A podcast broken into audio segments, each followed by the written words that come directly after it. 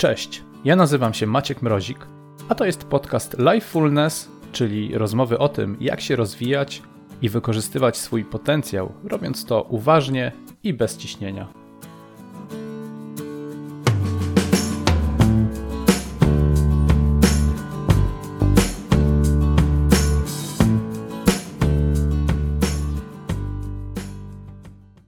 Witam w dwunastym odcinku podcastu.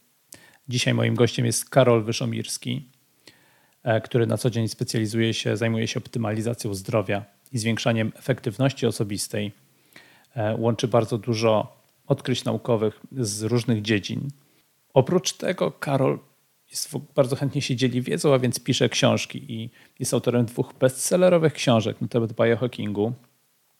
E, regularnie pojawia się w telewizji jako w roli eksperta od zdrowego stylu życia i oprócz tego jeszcze prowadzi kanał na YouTubie e, o nazwie PowerPeak. I tak też zresztą nazywa swoją metodę, której jest autorem, czyli PowerPeak Method.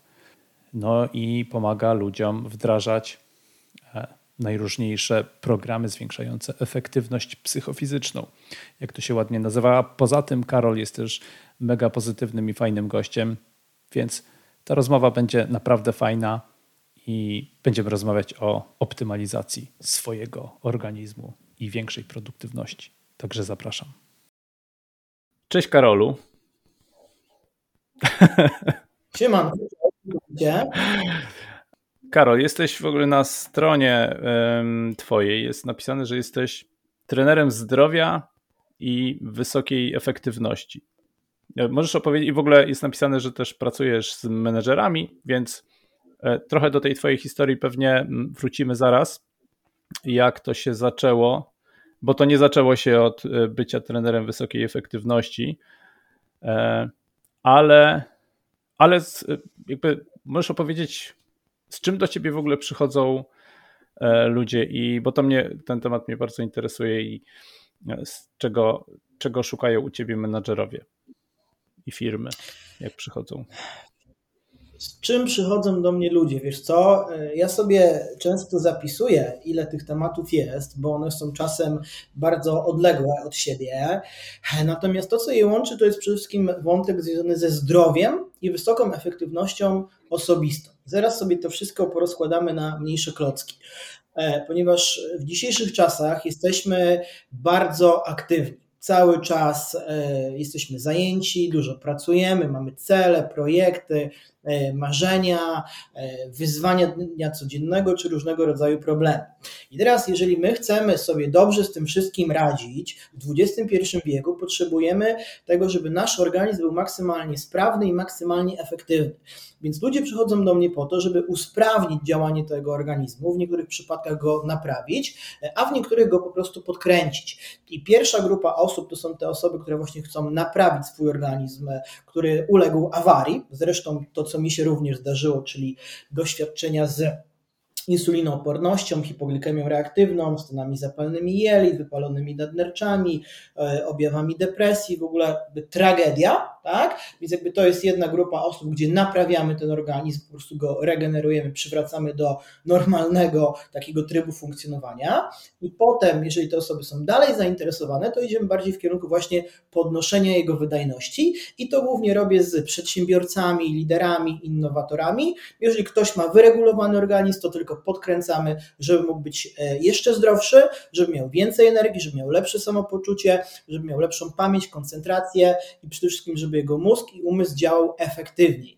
I tutaj wydaje mi się, że ważne, o czym e, ważne jest, żeby powiedzieć, że uczę ludzi przełączać organizm między dwoma trybami. Jeden to jest ten tryb wysokiej wydajności, w którym wiesz, osiągasz, załatwiasz, realizujesz, e, podbijasz świat, który jest e, bardzo nam potrzebny ten tryb. No i drugi tryb, który jest równie ważny, jest to tryb, tryb głębokiego odpoczynku i regeneracji, czyli gdzie organizm się wycisza, regeneruje, gdzie pamięć się konsoliduje, gdzie Twoja podświadomość przetwarza różnego rodzaju koncepcje, potem łączy je w pomysły, tak żebyś na co dzień lepiej sobie radził z wyzwaniami dnia codziennego. Mhm. To dużo mówisz o tym, co się dzieje w środku w organizmie. Tak nazwijmy to, nie wiem, w tym obszarze fizycznym, Ale to, co też tam jest opisane, to na stronie między innymi, bo piszesz też o tym w książce, którą zresztą ostatnio w czasie urlopu udało mi się przeczytać, przynajmniej tą pierwszą biohacking dla początkujących. Polecam, bo fajnie napisana, w fajnej formie i zresztą też już o tym tobie pisałem, że, że bardzo, bardzo mi się podoba to, jak to jest podane. Chyba przede wszystkim to, jak, jak właśnie jest to podane. Natomiast wracając do tego wątku, to jak mm, to, to co jest opisane na stronie, to również mm, korzyści, które płyną z pracy z tobą, e, z, z tego, co ty robisz ze swoimi klientami, to e, też lepsze zarządzanie emocjami i jakby trochę usprawnianie też tych funkcji kognitywnych, e, co pewnie jakoś tam po prostu idzie w parze z lepszą pracą organizmu w ogóle. Ale mógłbyś ten wątek rozwinąć trochę? Tak, e, jeżeli chodzi wiesz co, o poprawę funkcji kognitywnych, czyli wszystko, co jest związane z pracą naszego zarówno mózgu i umysłu, bo to są osobne elementy, to jest to, że najpierw, jeżeli chcemy być mega efektywni w działaniu, twórczy, kreatywni, produktywni, cokolwiek to dla nas znaczy, powinniśmy zapewnić naszemu mózgowi odpowiednie środowisko do tego. I tutaj na, tym, e, na tej płaszczyźnie mamy szereg e, tak naprawdę narzędzi biohackingowych. To jest właśnie optymalizacja odżywiania, suplementacji, redukcja stresu, sen, rytm domowy, czyli fundament. Drugą warstwą jest umiejętność zarządzania e, neurofizjologią i e, neurochemią naszego mózgu. I teraz wiele osób myli troszeczkę, na czym polega ta optymalizacja pracy mózgu i myślą, że to są neotropy, adaptogeny, e, różnego rodzaju diety. Jak najbardziej to jest element, ale to jest tylko mały element. Optymalizacja pracy mózgu przede wszystkim polega na A. Zbudowaniu odpowiednich strategii e, kognitywno-behawioralnych, które mają bezpośrednie przełożenie na naszą neurofizjologię. I co to teraz znaczy? Twój sposób myślenia, jaki masz w konkretnej kwestii, jest strategią, która składa się z różnego rodzaju klocków i elementów, o których sobie niedługo porozmawiamy. I teraz, jeżeli Ciebie interesuje uzyskanie konkretnego wyniku, tak? Czy to jest jakieś, wiesz, wystąpienie publiczne, napisanie książki, wygranie w zawodach, e, wiesz, zarobienie x pieniędzy, czy cokolwiek, to Ciebie interesuje wynik ostateczny. I osób, dużo ludzi myśli tak, wezmę tabletkę, to jakoś na to wpadnę, jak w tym filmie Limitless. I to jest, mhm. zobacz, taki dystans, tak? Tu jestem teraz, tu jest mój cel. I teraz to, co tak naprawdę odróżnia osoby, które są tutaj, czyli wygrywają te rzeczy, to nie jest ta tabletka, tylko w pewien sposób wytrenowana, wyuczona neurofizjologia, czyli bezpośrednie szlaki, które są wyryte w mózgu, czyli sposób myślenia, który jest wyryty w umyśle, tak jak program jest zapisany na dysku.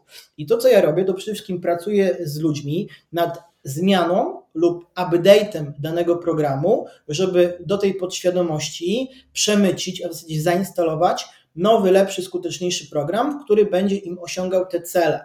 I program oznacza system, czyli to nie jest jednorazowe osiągnięcie tego celu, bo jak spojrzysz na ludzi, to wiesz, wiele osób się zastanawia, dlaczego są ludzie, którzy budzą się rano, mają masę energii, idą na trening, na siłownię, ogarną dzieciaki, zawiozą je do szkoły, wiesz, potem idą do pracy i mają sukces za sukcesem, tak? A są ludzie, którzy znajdują się, wiesz, po tej drugiej stronie i teraz jak, jak, to się dzieje?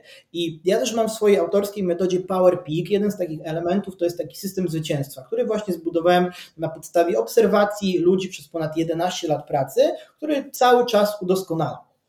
Jedną z koncepcji, na których właśnie bazuje ten system, jest e, koncepcja właśnie profesor i psycholog Karol e, Dweck, która mówi o tak zwanym nastawieniu na rozwój czyli grow mindset. I teraz tak naprawdę chodzi o to, że to, w jaki sposób my zostaliśmy wychowani w dzieciństwie, czyli zaprogramowani, wpłynęło na nasz sposób myślenia teraz i jednocześnie zaprogramowało naszą neurofizjologię i neurochemię.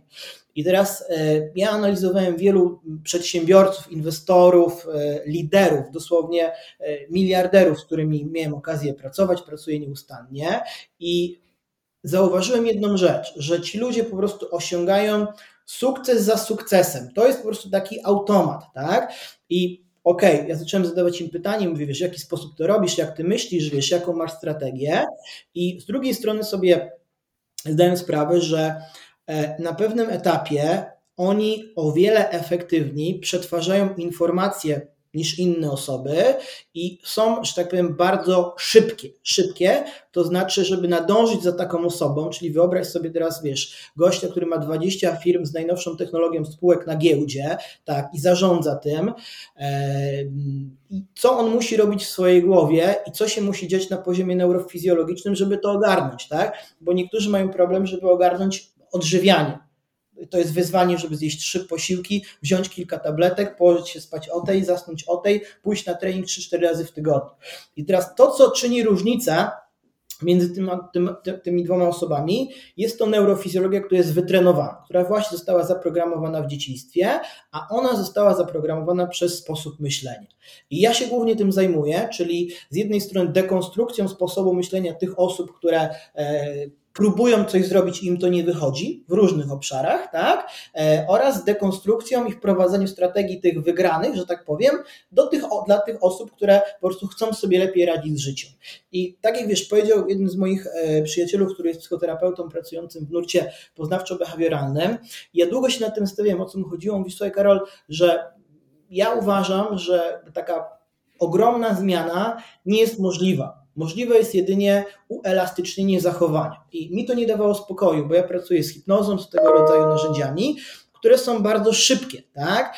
I po kilku latach zdaję sobie sprawę, mówię, kurczę, mówię, mam takie narzędzia, robię to z ludźmi i są ludzie, którzy są nie, fu, miesiąc, dwa i jest no, poza mhm. orbitą gościu, inną osobę, niezależnie czy jest narzędzie przywiezione, wiesz, ze Stanów, z szkoleń treningowych, czy żywieniowych, czy jakieś mentalne rzeczy, no nie ma takiego wyskoku.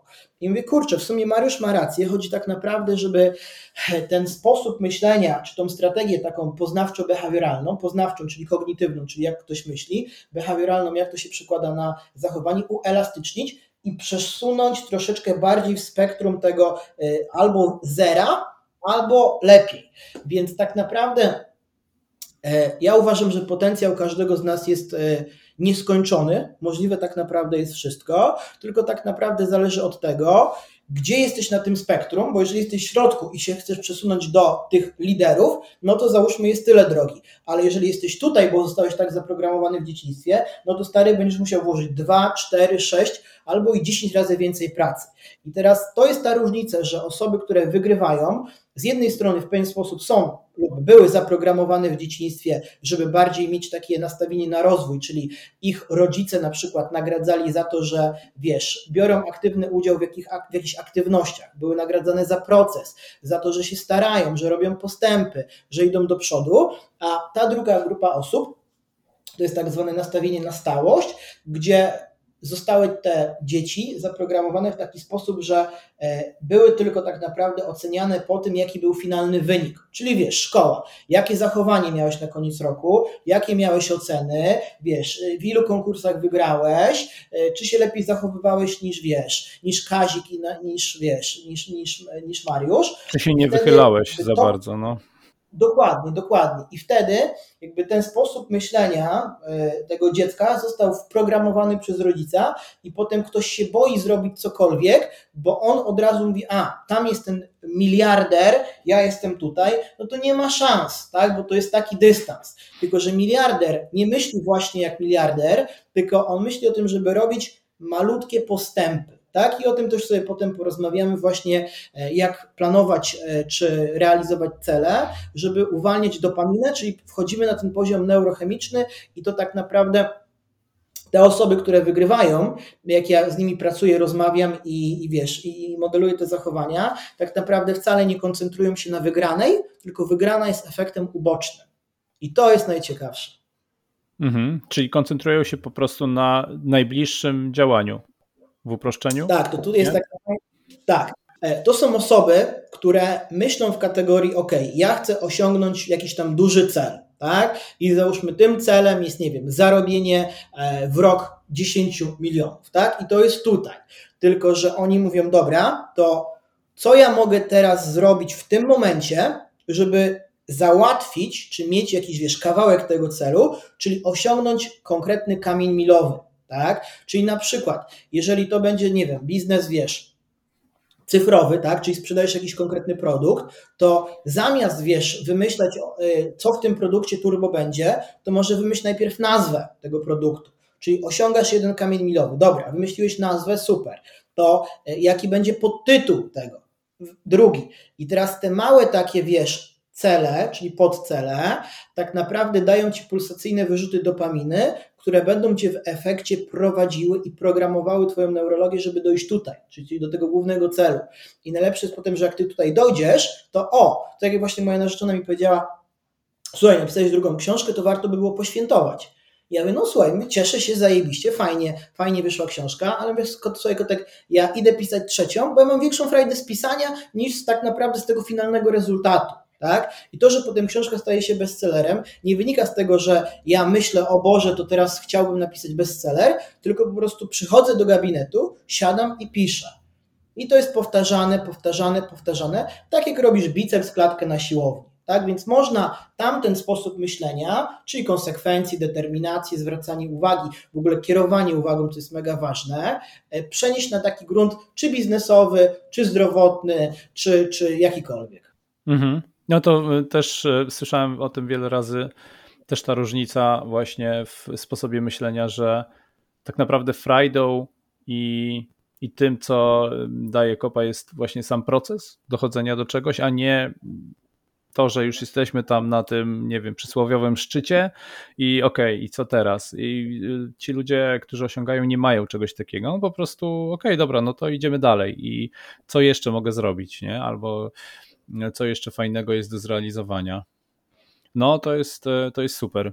Ale nie każdy pewnie miał taką, takie, nazwijmy to, nie wiem, dzieciństwo, którego programowało w taki sposób myślenia. Więc to jest coś, co, e, czego każdy człowiek może się wyuczyć w jakiś sposób.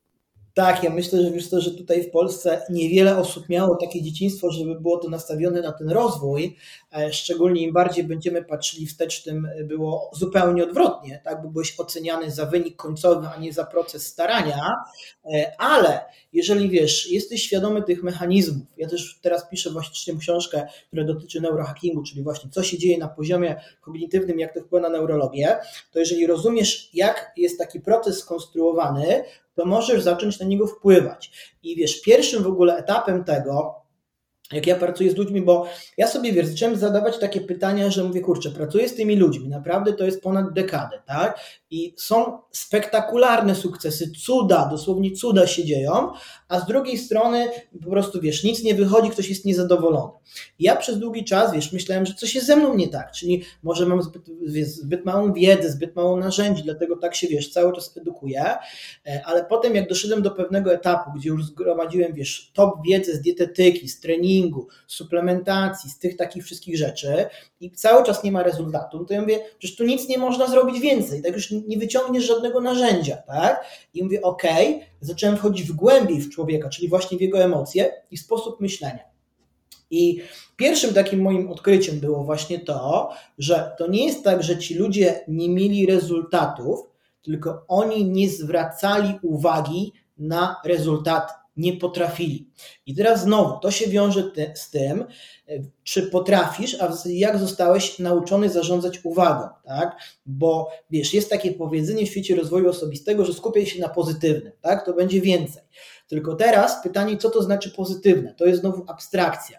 I teraz ja w Biohacking dwójce przeczytałem taką fajną, przytoczyłem taką fajną historię dwóch kobiet, z którymi pracowałem i wiesz, jedna schudła, z tego co ja pamiętam, tam chyba w pierwszej fazie 3 kg i mówi, wow, zajebiście 3 kg, no rewelacja, zachwycona, a druga mówi, kurde, to tylko 3 kg, to po co się tak męczyć, to po co ta dieta i tak dalej. I teraz jakby tu są znowu jakby kilka jest warstw. Pierwsza to jest to, że jeżeli wchodzę w to, o Boże, tylko 3 kg, tak, to nagle się zaczynam zastanawiać, mówię, hmm, to się z tym słabo czuję, tak? I teraz pojawiają się te wszystkie negatywne emocje, frustracja, mówię, kurwa, po co ja tę dietę robię? Po co ja te łażę na te siłownie? Po co ja, wiesz, płacę na tego trenera? I frustracja. I teraz im więcej tej frustracji, tym to będzie wpływało na poziom kortyzolu, czyli właśnie hormonu stresu, który będzie jeszcze utrudniał bardziej proces odchudzania. I teraz, jeżeli na przykład przekierujesz taką osobę, ja często na tym łapię kobiety, i mówię, stop, Mówię, co ty kurwa sobie robisz? Mówię, 3 kg schudłaś, tak? Szedł ci celulit z całego ciała. Mówisz, że wyglądasz 10 lat młodziej, a ty jesteś niezadowolona? Mówię, ochujałaś? Nie? I ona tak, hmm. I wiesz, tylko że to wynika z naszego dzieciństwa, bo tam był ten model, że musisz mieć piątki, szóstki, musisz być najlepsza i tak dalej. I potem wiesz, ktoś ma zaburzone poczucie własnej wartości i Widzisz, ja jako, że tak powiem, trener, mówię, słuchaj, zajebistą robotę zrobiłaś przez miesiąc, tak? Prowadziłaś post okresowy, prowadziłaś pierwszy posiłek białkowo-tłuszczowy, y, wiesz, y, na kolację jeszcze, bardziej zoptymalizowane te posiłki, wiesz, włączyłaś suplementację, zaczęłaś zimne prysznice, mówię, kurwa, wiesz, szacun, doceń się za to, co robisz, rewelacja, nie? I wiesz, i mi często ludzie mówią, że Boże, tak pierwszy raz ktoś do mnie w życiu tak powiedział, tak? Że on mnie nie opierdala, że wiesz, że 3 kg, kurwa 10 powinno być, tylko jest, mówię, mówię super, mówię, zajebista robota, nie? Mówię, dawaj dalej, jedziemy, nie? I ja pamiętam, właśnie jedna moja podopieczna mi powiedziała, że ja jej tam napisałem wiadomość, odpowiedzi na maila, słuchaj, mówię, mega robota, mówię, idziemy po swoje, nie? A ona mówi, że pierwszy raz w życiu tak ktoś do niej powiedział, nie? I teraz tak, Poza tym, że ona tam schudła, wiesz, 10 kg, zmieniła całą swoją sylwetkę, wiesz, wygrała z nowotworem, to teraz zaczęła się szkolić, żeby pomagać ludziom w takiej zmianie osobistej. Zrobiła jeden kurs, drugi kurs, wiesz, e, całkowicie zmienia swoje życie. I widzisz, czasem wystarczy jedno spotkanie, być może jedna osoba, jedno zdanie i komuś to zmieni, wiesz, nagle shift, czyli wiesz, to przekierowanie uwagi.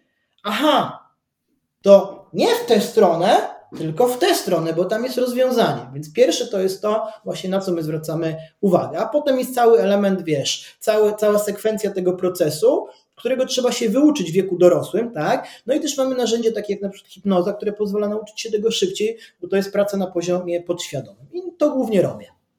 Mhm. No to kwestia, y, myślę, takich nawyków myślenia i ja to też obserwuję chociażby, bo to nie tylko wydaje mi się funkcjonuje w dzieciństwie, ale też jak już jesteś dorosły, pracujesz e, z menadżerami na przykład, którzy po prostu nie potrafią e, wspierać ludzi.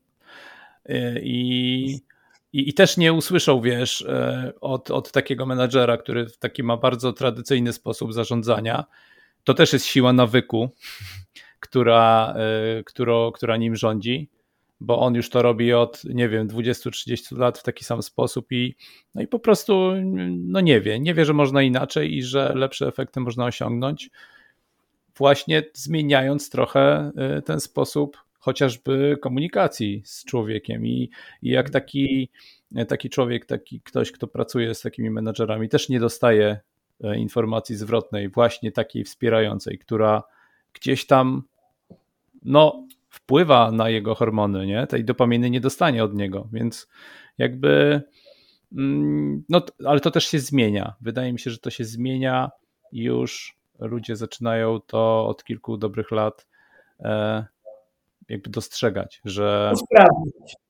tak, że, że, że, że to jest ważne, jakby, że to w jaki sposób oni się komunikują, e, no pewnie wiesz, pewnie też jak, jak pracujesz z różnymi menedżerami, to pewnie też różni ludzie przychodzą i, i to są, e, nie wiem jaką masz tam średnią wieku, ale, ale myślę, że e, takie 40 plus mm, to są jednak menadżerowie czy 50 plus, którzy mają w swojej historii dużo takich nawyków e, zbudowanych, które właśnie niekoniecznie mm, dobrze grają z takim, nazwijmy to, nie wiem, współczesnym, nowoczesnym podejściem do, e, do zarządzania. Co uważam się bardzo wiąże w ogóle z tym tematem e, wprowadzania zmian i w ogóle z takich nawyków myślenia o, o tym, co robimy w ogóle. Takim pozytywnym, wspierającym. Tak, tutaj wiesz, ten aspekt, o którym powiedziałeś, komunikacja to jest kluczowe, bo wiesz, Neuronaukowcy postrzegają to, że wiesz, nasz e, mózg tak naprawdę tworzy wirtualną rzeczywistość, w której funkcjonujemy, odbieramy świat poprzez zmysły i ten cały świat jest zapisany wewnątrz naszej głowy, metaforycznie, w postaci takiej neurologicznej mapy. Też pisałem o tym w Biohacking 2. E, I teraz e, tak naprawdę to, jak skutecznie po tej mapie się poruszasz swojej i mapie innych osób, jest tak naprawdę wynikiem tego, w jaki sposób się komunikujesz. I teraz każdy proces, który dotyczy zmiany osobistej, niezależnie to znowu jest biznes, zdrowie, odchudzanie, sport, wyniki, wynika z komunikacji A wewnętrznej, czyli to, co do siebie mówisz tym, wiesz, dialogiem wewnętrznym, oraz to, co słyszysz od innych, albo to, co mówisz e, do innych osób. Więc dopóki my nie nauczymy się odpowiednio komunikować ze sobą, z lewą półkulą jest inna komunikacja, z prawą półkulą, czyli podświadomością jest inna, chociaż teraz się okazuje, że nie ma lewej i prawej, że to nie tak do końca działa, no ale przyjmijmy taką metaforę, bo większość osób jakby wie o co chodzi, to dopóki nie będziemy mogli uzyskać odpowiedniego rezultatu, bo musimy odpowiednio e, dostosować język do półkuli, żeby one współgrały i e, wiesz, pomagały nam doprowadzać nas, nas do celu, bo bardzo często się wiesz, zdarza tak, że ktoś ma jakiś cel, czyli nie wiem, chce schudnąć, chce poprawić wygląd, chce być zdrowszy, chce wiesz, wygrać wyścig, zawody i tak dalej. I to jest deklaracja na poziomie świadomym, tak? Ale w umyśle podświadomym są różnego rodzaju konflikty. Konflikty, czy też jest zupełnie e, cel przeciwny. I teraz dopóki my nie rozwiążemy tego konfliktu między jedną częścią a drugą i nie wypracujemy nowego, wiesz, lepszego, bardziej funkcjonalnego zachowania, to my nigdy nie osiągniemy tego, tego celu. Tak? Najprostszy przykład, ktoś chce schudnąć i chce się odchudzać, chce jeść zdrowo, a odpala mu się jedzenie słodyczy. Tak? I okej, okay, na to można wpłynąć odpowiednią dietą, suplementami i tak dalej, ale jak do mnie bardzo często piszą ludzie, Panie Karolu, a jak ja się mogę e, pozbyć tych e, słodyczy? Ja mówię, no to słuchaj, przeczytaj jedną książkę, drugą. Jak ogarniesz biochemię, to jest jeden aspekt, a drugim aspektem jest to właśnie, e, co ta część, która chce jeść te słodycze, uzyskuje, bo to jest zazwyczaj, wiesz, w dzisiejszych czasach przyjemność, relaks, odprężenie. I teraz dużo osób właśnie albo je słodycze, albo pije piwko, albo robi inne rzeczy, bo to jest jedyny sposób, w jaki oni potrafią zapewnić sobie ten spokój, relaks, odprężenie tak? Więc teraz znowu musimy popracować komunikacyjnie, jedna część i druga, żeby zmienić to zachowanie na lepsze, które będzie ich prowadziło do tego celu, który oni sobie zdeklarowali, że chce. Tak, czyli wygrać zawody, być, wiesz, skuteczniejszym sportowcem, lepszym aktorem, lepszym muzykiem i tak dalej, i tak dalej. Więc mhm. komunikacja mhm. turbo No czasami ten relaks i to uciekanie do przyjemności e, też może wynikać jakich, z jakichś głębszych potrzeb na przykład e, ze stresu po prostu. Dokładnie, dokładnie, dokładnie. Dlatego to, to też jest, ja nie mówię, żeby tego nie robić w ogóle, tylko bardzo często właśnie e, mówię ludziom, z którymi pracuję, że słuchaj, e, według mnie ty się powinieneś, powinnaś cieszyć jedzeniem, cieszyć się życiem, jednocześnie uzyskując rezultaty. Tylko pod warunkiem, że to, co robisz, nie wybija cię z toru o, wiesz, 90 stopni, tylko to jest odchylenie 1, 2, 3 stopni. I teraz pytanie znowu, gdzie jesteś na tej osi, tak? Czy jesteś tutaj, czy jesteś może bliżej środka? Bo jak się troszeczkę odchylisz teraz, to się nic nie stanie. Ale jeżeli jesteś tu i się odchylisz o 90 stopni, to powrót zajmie ci tyle, że wyścig wygra ktoś inny. Mm. No tak, tak. Dokładnie, dokładnie. Ja nie wiem, ja, jeśli chodzi na przykład o, o jedzenie słodyczy, myślę, że przez długi czas miałem coś takiego właśnie, że zawsze, kiedy robiłem się chociaż trochę głodny, chociaż być może, być może tak naprawdę nie byłem głodny, może to była tylko reakcja e, związana, nie wiem, z wyrzutem insuliny, e, z powodu tam, nie wiem, wysokowęglowodanego, węglowodanowych no, rzeczy, które jadłem w ogóle, e, mhm. takich, nie wiem, mącznych i tak dalej ale gdzieś tam był ten ciąg po prostu na, na słodycze i mm, gdzieś czytałem o tym, że to jest e, jest to taka forma nałogu, tak? jest to po prostu taki nałóg, jakby mózg reaguje dokładnie tak jak e, na, nie wiem, nauk związany z, z, nawet, nie wiem, z jakimiś ciężkimi e, narkotykami, nie? I jakby jest to bardzo podobna reakcja i wyleczyć się z tego też można odwykiem i i, i, I w sumie, właśnie jakby przestając jeść słodycze, faktycznie po jakichś dwóch, trzech tygodniach takiego totalnego od, odstawienia cukru, yy, zmniejszenia ilości węglowodanów takich prostych, yy, totalnie nie mam takiego, yy, w ogóle nie mam ochoty nawet jeść nic słodkiego. To jakby też trochę dla mnie było zaskakujące, ale, ale może ty będziesz w stanie opowiedzieć właśnie, co się zadziało, co się mogło zadziać w mózgu i, e, i w ogóle wewnątrz organizmu, że, że, się tak, że się tak wydarzyło. Tak, tutaj widzisz, trafnie zauważyłeś, że jedynie słodyczy przypomina pewnego rodzaju nauk, a teraz każdy nauk jest nawykiem. Tak samo jak nawykiem jest osiąganie właśnie sukcesu, tak samo nawykiem jest e, ponoszenie porażek lub picie, wiesz, alkoholu i tak dalej, w pewnego rodzaju, wiesz, formie. I teraz, e, co ciekawe, w ten cały proces na poziomie neurochemicznym jest właśnie zaangażowana dopamina, która związana jest z systemem nagrody, która właśnie uczy pewnego rodzaju e, zachowania, reakcji, z której powstaje nawyk. I teraz Zobacz, dopamina, e, wiele osób uważa, że dopamina jest wydzielana w momencie, gdy wiesz, osiągasz jakiś cel, tak, wygrałeś zawody, wiesz, nie wiem, napisałeś książkę, cokolwiek fajnego zrobiłeś, co jest dla ciebie subiektywne, dużą, dużą rzeczą. I teraz prawda jest taka, że dopaminy najwięcej się wyzwala w momencie, gdy ty podążasz do jakiegoś celu, czyli pragniesz czegoś. Więc na przykład, nie wiem, siedzisz sobie, wracasz do domu po, po pracy, miałeś mega aktywny dzień, dużo się działo, siadasz sobie na kanapie, przed telewizorem, odpalasz Netflixa, włączasz swój ulubiony serial, pół godziny mija, napięcie spada, ciało się relaksuje i nagle pojawia ci się taka myśl, być może widzisz obraz albo mówisz do siebie, hmm, zjadłem coś albo słodkiego, albo coś słonego. I teraz w momencie, gdy wiesz, masz ten obraz, nie wiem, co lubisz, to będzie pizza, lody, burgery, cokolwiek, to w tym momencie twój organizm uwalnia dopaminę. I dopamina mówi, Maciek, Maciek, dawaj, zamów pizzę, zamów pizzę. I jest pragnienie, czyli masz obraz na poziomie właśnie takim e, poziomie, wiesz, wizualnym, wyobrażasz sobie ten obraz e, i czujesz pragnienie.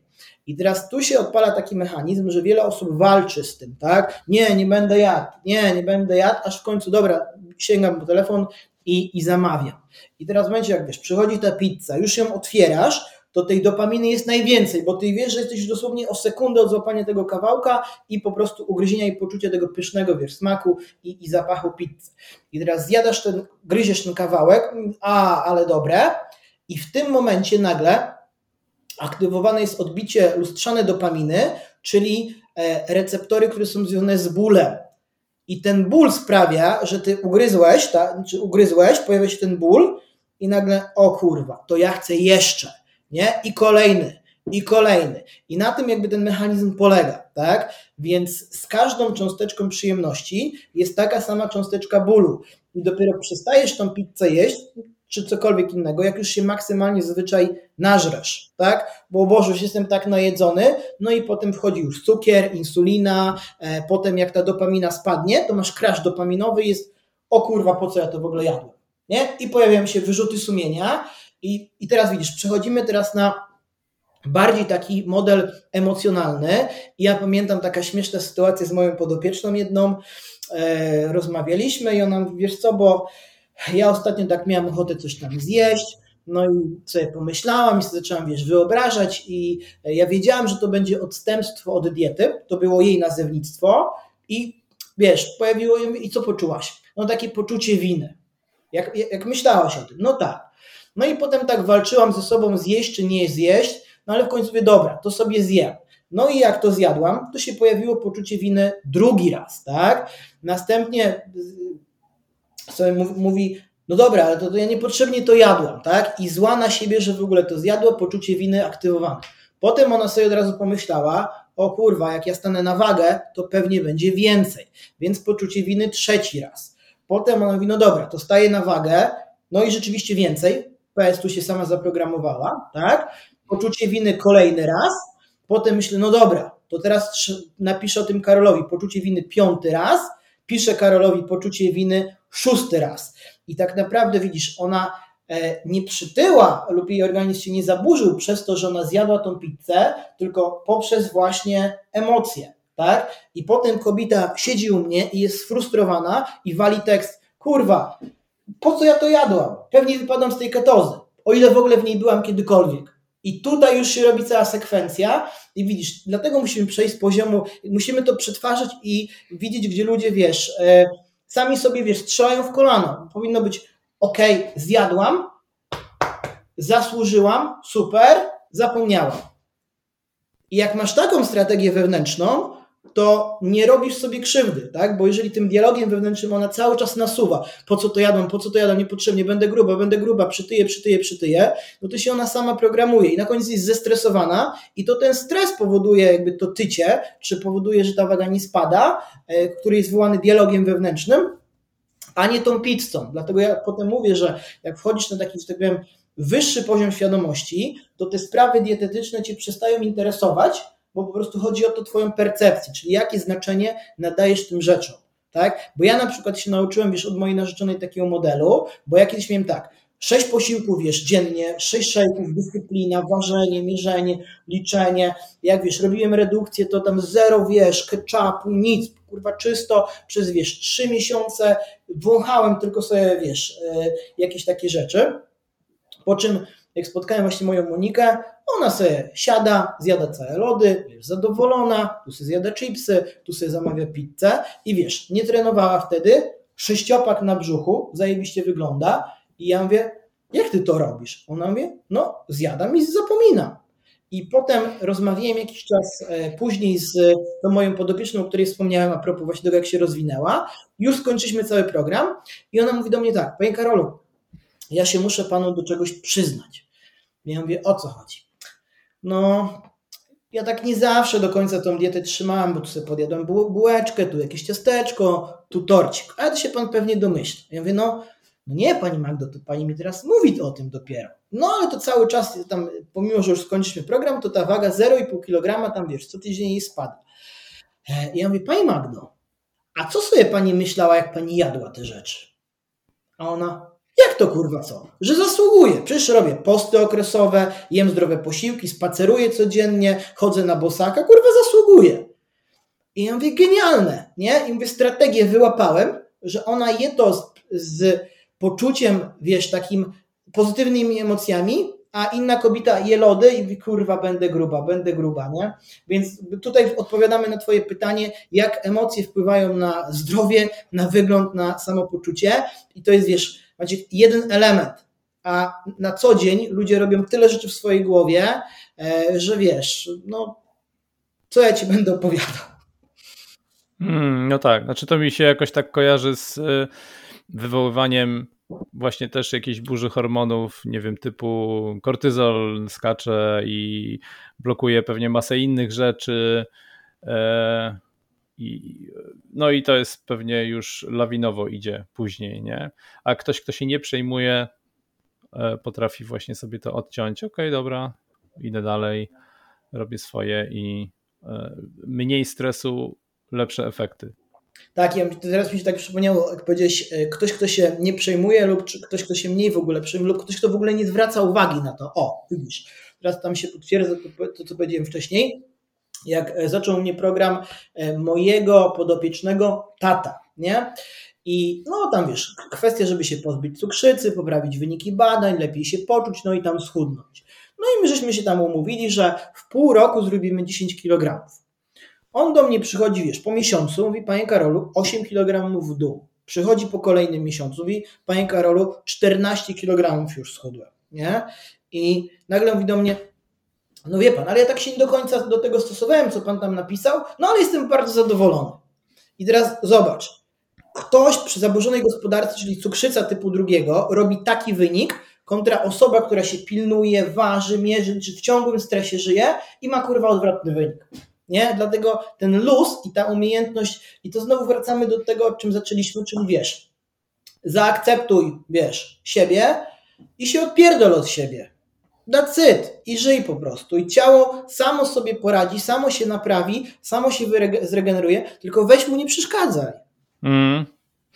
No tak, tak. To w ogóle też mi się przypomniało e, mm, a propos tych ludzi takich ogólnie znanych jako ludzi sukcesu i obserwuję e, już też od dłuższego czasu, Boże, wypadło mi jego nazwisko, a taki znany, e, właściciel marki Virgin Group, w ogóle całej grupy. No. Richard Branson. Branson, Boże, tak. No i no widzisz, kurczę, taki ten.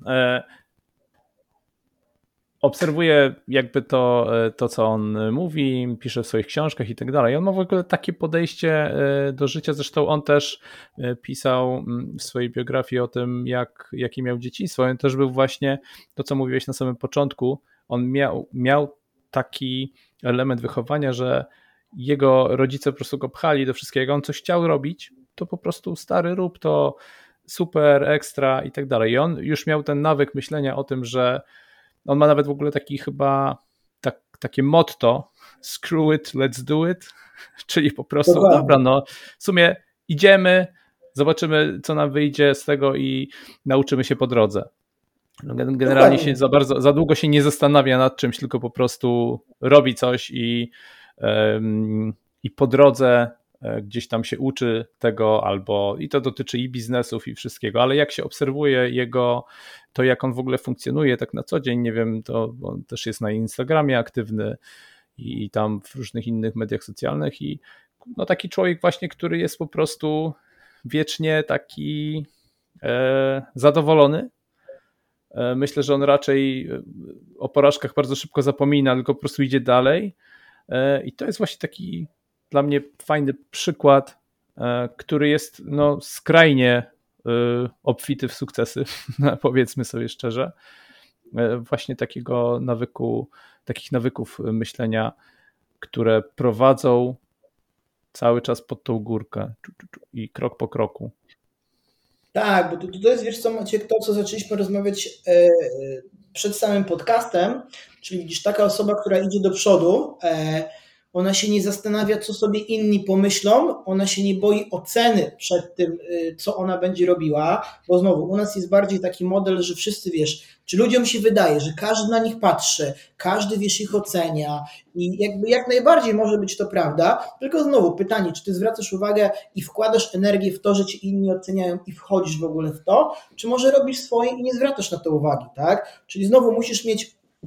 Yy, ten wewnętrzny jakby kompas, że ok, ja robię swoje, sprawdzam jakby środowisko, jak na to reaguje i pytanie, jeżeli to jest w ogóle oparte o, o jakąkolwiek logikę, sens, y, fakty, tak, opinia nie może być oparta o fakty, może wiesz, odwoływać się do faktów, to koryguje kurs. A nie, ja mam, czasem wiesz, słyszałem takie rzeczy, że no ktoś tam mi mówi do mnie, no, panie Karolu, bo ja przeczytałam tą pana książkę, no tak fajnie pan napisał, no ja bym chciała tą kawę kuloodporną zacząć pić, tak się przygotowywuję, i ale czy pan myśli, że mi to pomoże, e, czy ja schudnę? Ja mówię, e, no myślę, że tak, no skoro pani przeczytała, ja tam wytłumaczyłem, jak to działa, to warto by było to robić. Mówię, e, czy już pani wprowadziła? No nie, ja się tak od miesiąca zastanawiam. No i stary, w miesiąc to ja miałem historię, jak e, jedna z czytelniczek moich e, zamieniła kawę kuloodporną ze śniadaniem, zrobiła jedną rzecz i 6 kg schudła, a druga osoba się zastanawia, tak? I ja dlatego specjalnie opowiadam te historie, bo one są, wiesz, z jednej strony są e, przykre, z drugiej są śmieszne, ale z trzeciej uczą, tak? Bo ludzie mają takie problemy, wiesz, chciałabym zrobić, chciałbym zrobić, chciałbym otworzyć biznes, chciałbym, wiesz, y, wystartować w maratonie, chciałbym zrobić to i tamto, y, ale na tym się kończy, tak? Bo to jest troszeczkę taki model, tak jak mój właśnie Wspólnik często przytaczy taką fajną analogię takich wiecznych startuperów, którzy wiesz, robią ten startup, wkładają w to inwestorów, ściągają, jakie to nie jest zajebiste, jak się zachwycają, ale nie wypuszczają produktu na rynek, bo się boją właśnie tego odrzucenia, a co będzie, jak rynek odrzuci. To lepiej my zostańmy sobie w tyle i się zachwycajmy, tak, e, a nie wprowadzajmy na rynek. Dlatego ja mam zupełnie inną strategię. Mówię, słuchaj, weź stary to, co możesz zrobić już teraz w tym momencie, dla wiesz, kariery, biznesu, zdrowia, sylwetki, cokolwiek, zrób, od razu będziesz miał wystrzał dopaminy, czyli subiektywną nagrodę, poczujesz się lepiej i to ci da chęć, dobra, to może więcej. To prosty case, jak teraz sobie tutaj Maćku siedziałem przed naszą rozmową i Mówię tak 15 minut, mówię, no dobra, to się rozruszam. No i zadaję sobie pytanie, no dobra, to co możesz zrobić, żeby tak się fajnie wprowadzić w lepszy stan? Biohacking 2, o tym pisałem. No więc strzelę sobie pompki. Mówię, dobra, ile pompek będzie dla Ciebie takich optymalnych, żeby ani nie było za łatwo, aby, i żeby nie było za ciężko, bo jestem ubrany, wiesz, e, nie na sportowy. No to mówię 30. No i zrobiłem 30 pompek, usiadłem, mówię, o, zajebiście, fajnie, wiesz, klatka się spompowała, wiesz, jakie to uczucie, w ogóle fajnie, takie ciało, mówię, hmm, No dobra, mówię, to zrobię jeszcze jedno. Odczekałem sobie chwilę, zrobiłem jeszcze jedną, potem mówię, dobra, super. I w ten sposób ja mógłbym to kontynuować. Czyli sobie obrałem realny cel, który jest oparty o flow, czyli ani zbyt trudny, ani zbyt łatwy w oparciu o moje kompetencje, bo zrobiłbym ze 100, ale bym się spocił, tak? Już bym nie mógł zrobić tego podcastu i w ten sposób. Dlatego nie myśleć, o Boże, ja bym chciała schudnąć 30 kg, tylko okej, okay, to ja mogę zjeść śniadanie dzisiaj godzinę później. Zro zrobiłeś, zrobiłaś? Super robota, Marysia, zajebiście, to jutro godzina 10. Dasz radę? Dam radę, Pani Karol. W ten sposób, żeby, no ja wiesz, z żartem to robić, ale to kurwa na tym polega i uczysz się obsługiwać tak, jak uczysz dziecko. Mhm. E, kiedy kiedyś pamiętam, przyszło mi do głowy, żeby gdzieś tam spróbować swoich sił w triatlonie, to też się złapałem na tym, że po prostu to było takie planowanie. A ja, dobra, ja może kupię książkę, przeczytam najpierw, zobaczę, co ja muszę zrobić, e, bo przecież to nie mogę tak po prostu bez żadnej wiedzy wystartować, e, do jakichś przygotowań. Muszę najpierw się przygotować do przygotowania. I człowiek się zapętla, no, człowiek się zapętla, tak, że, że zamiast po prostu zacząć działać i uczyć się w trakcie działania, no po prostu trzeba, nie wiem, wyjść pobiegać, zobaczę jak będę się czuł, zobaczę, sprawdzę, nie wiem, pobiegnę sobie 30 minut, zobaczę co, co się wydarzy potem, nie wiem, będę miał zakwasy, nie będę miał zakwasu, będę zmęczony, nie będę zmęczony i tak dalej. I po prostu uczyć się na bieżąco, e, najlepiej właśnie czytając w ogóle swoje ciało, niekoniecznie, e, nie wiem, kopiując program treningowy, e, który też jak zaczniemy go szukać, to po prostu będziemy szukali tego idealnego dla nas, i bo ich jest przecież tak. 50, dziesiątki tysięcy dostępnych i tak dalej. Także to jest Tak, bo to jest wiesz, macie, taka tendencja umysłu, że on wiesz, on woli e, szukać rozwiązań, znaczy rozwiązań albo problemów, znaczy jakby szukać cały czas, poszukiwać idealnego planu, idealnej diety, idealnej rozpiski suplementów, idealnej serii, wiesz, ćwiczeń oddechowych, idealnego czasu, zimnych prysznicy i tak dalej, zamiast kurwa wyjść i to po prostu zrobić. I widzisz, tylko to znowu się e, jakby dwie rzeczy.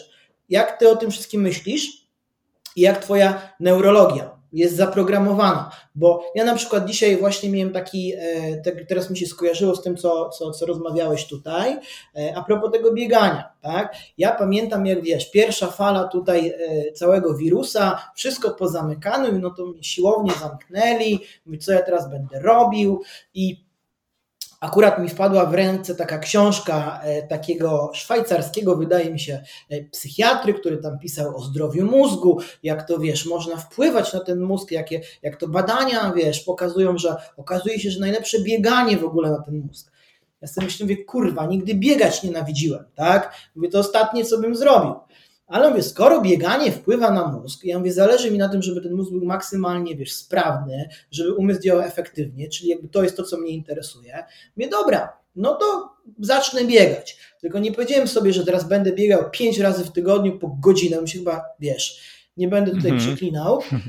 E, mówię, dobra, to wyjdę sobie i pobiegnę naokoło bloku. I od razu odstawiłem książkę, wybiegłem dwie minuty i mówię, ja pierdolę, ale było fajnie, wiesz, patrzę, tętno podskoczyło, energia, mówię, wow, super, no to mówię, będę wieczorem tego samego dnia wychodził sobie na spacer, to sobie zrobię pierwsze dwie minuty spaceru, gdzie spacer robię tam około 20-25 minut, bieg, sobie sobie pobiegam. No i wiesz, pobiegam, mówię, zajebiście, mówię, Karol, super robota, w ogóle rewelacja. I raz zobacz, to się może wydawać śmieszne, są tylko dwie minuty, ale potem po czasie dołożyłem dwie minuty w środku spaceru, dwie minuty wiesz, na koniec spaceru, potem tak zacząłem robić, że cały spacer to było bieganie. Tak? I potem, gdybym chciał, to mogłoby to ewoluować dalej, tylko że to mi nie realizowało celów i mógłbym potem sobie biegać już, nie wiem, 10, 20, 30 i więcej tych kilometrów. I tak naprawdę ja bym czerpał przyjemność z tego procesu właśnie biegania, czym się właśnie charakteryzują ci nastawieni na rozwój, że to są te dwie minuty, kurwa, super, zajebiście, w ogóle rewelacja, nie? A to, że ja bym, że tak powiem, startował w maratonie i go wygrał, czy miał któreś miejsce, by było tylko efektem ubocznym, skutkiem ubocznym. Czyli nie, nie skupiasz się na tym, muszę wygrać, tak? Tylko czerpię przyjemność i to jest tak, jak ja na przykład, wiesz, Nigdy nie trenowałem na siłowni dla siły, tak? To mnie w ogóle nie interesowało. To, że robiłem tam przysiady 180 kg 10 razy, martwe ciągi po 240 kg na klatkę 140, był efekt uboczny tylko tego, że ja efektywnie trenowałem mięśnie, że zbudowałem siłę układu nerwowego i potem się subiektywnie nagradzałem te pompki. Więc zajebiście czuję klatkę. A nie, kurwa, powinieneś zrobić 100 pompek lub 100 kg wycisnąć. Jakby samemu sobie nakładamy ograniczenia, więc ja dlatego też, tak powiem, wiesz, pracując z ludźmi, mówię, słuchaj, jak ty chcesz te wszystkie rzeczy, o których mi powiedziałeś, powiedziałaś, to sobie musisz w pierwszej kolejności wgrać do głowy osobowość dietetyka, trenera, biohackera, coacha i trochę terapeuty, żeby wiedzieć, jak jeść, jak ćwiczyć, jak się regenerować, jak zarządzać zmianą i jak wiesz, myśleć o tych, jak zarządzać swoimi emocjami. Bo jeżeli tego nie zrobisz, to nie chodzi o to, żebym ja ci, wiesz, rozwiązywał każdy problem, bo ja mam rozwiązanie, tylko żebyś sam, sama się tego nauczyła, no bo jesteś dorosłym człowiekiem, tak? Więc po prostu zrób to i się tego naucz. Mhm. To fajnie, że teraz e, jakby wróciłeś do tego tematu, od którego zaczęliśmy, czyli od e, wprowadzania zmiany osobistej. Mm, więc jak to się robi? Bo mm, zaczęliśmy mówić o tym, że jeżeli masz te nawyki myśleniowe, masz, masz już zakodowane pewne ścieżki w głowie, jak, od czego zacząć? Jak to robisz, e, żeby to zmienić? Jak to Pamiętam, wiesz co, raz robiliśmy tutaj z moim e, dobrym kolegą Przemkiem Live'a, Przemkiem Bulskim. On też się zajmuje biohackingiem, hipnozą, jest life coachem, gościu wymiata. I on powiedział, słuchaj, zajebistą rzecz. Mówi do mnie, słuchaj Karol, E, jak ja pracuję generalnie, wiesz, z ludźmi, to bardzo im często mówię, e, zacznij zmianę od tego, że przestań sobie ufać. I ja mówię, w ogóle jakie zajebiste, nie? Mówię, bo teraz wiesz, gdy ja odkryłem e, to, że neurobiologia mówi o tym, że wiesz, 90% naszych codziennych zachowań są to automaty, to są programy. My to robimy nieświadomie, nam się zdaje, zdaje że jesteśmy świadomi. To jak przyjmiesz takie założenie, że jesteś po prostu automatem, to od razu ci się zacznie łatwiej żyć, bo nie będziesz się kurwa szarpał z programem, tak? To co robią ludzie, się zmuszają behawioralnie. Teraz będę łaził kurwa na siłownię pięć razy w tygodniu po godzinę i po dwóch, trzech tygodniach jest efekt odwrotny, tylko mówię, dobra, to ja zrobię to w inteligentny sposób, sprytnie. I teraz pierwszym etapem jest to, że tak naprawdę, żeby określić to, co chcesz, tak? I wiele osób mówi mi, e, panie Karolu, yy, ja nie chcę być gruba, ja nie chcę mieć brzucha, ja nie chcę być wiecznie zmęczona, ja nie chcę być chora. Tak? I to jest znowu kierowanie uwagi na te rzeczy, których nie chcemy. I to jest tak naprawdę myślenie oparte o problem. I teraz podświadomość, ja też o tym mówię, że nie rozumie słowa nie, więc ona słyszy, chcę być gruba, chcę być zmęczona, chcę być chora i dokładnie te polecenie wykonuje. A jeszcze czasem słyszę, że y, a dlaczego ja jestem taka zmęczona? A dlaczego ja jestem taka gruba? Panie Karolu, no to, to, jest, to znowu jest kwestia ramy problemu. Jak wpisujesz do mózgu komendy, dlaczego wiesz, coś się dzieje, to on znajdzie odpowiedź, tak? Zawsze, zawsze. Dlatego to, co trzeba w pierwszej kolejności zrobić, to przekierować mózg na to, co ty chcesz. Czyli myślisz w e, myślenie oparte o cel, czyli na przykład chcę być w lepszej formie. To jest jakby jeden. Zamiast, e, wiesz, nie chcę być gruba, to chcę być w lepszej formie. Dwa, chcę mieć więcej energii, chcę lepiej spać, e, chcę poprawić siłę w ćwiczeniach na siłowni i tak dalej, i tak dalej. Więc pierwsze w ogóle określamy, co chcemy w sposób taki pozytywny.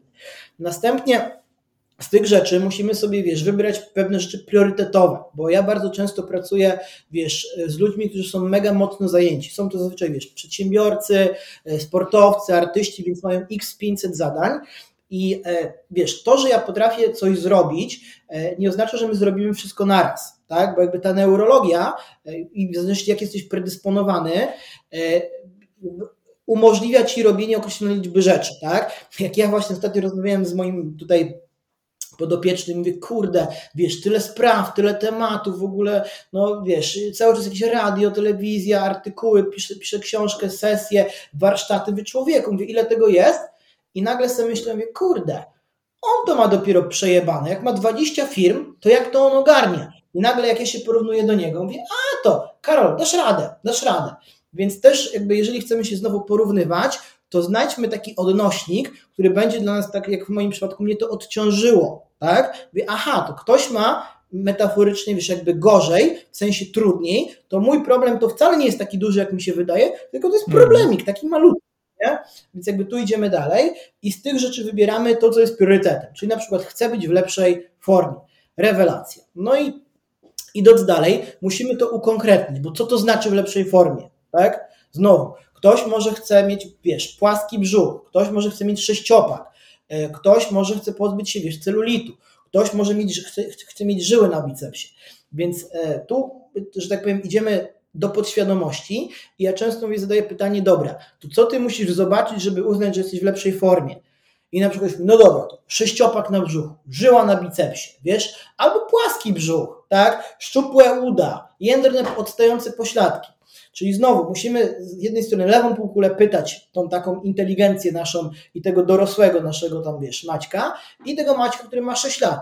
Aha, płaski brzuch, potrafię sobie wyobrazić sześciopak? Potrafię, to chciałbym tak. Super. No to więc określasz kryteria, czyli co ty musisz zobaczyć, żeby wiesz, uznać, że to już osiągnąłeś.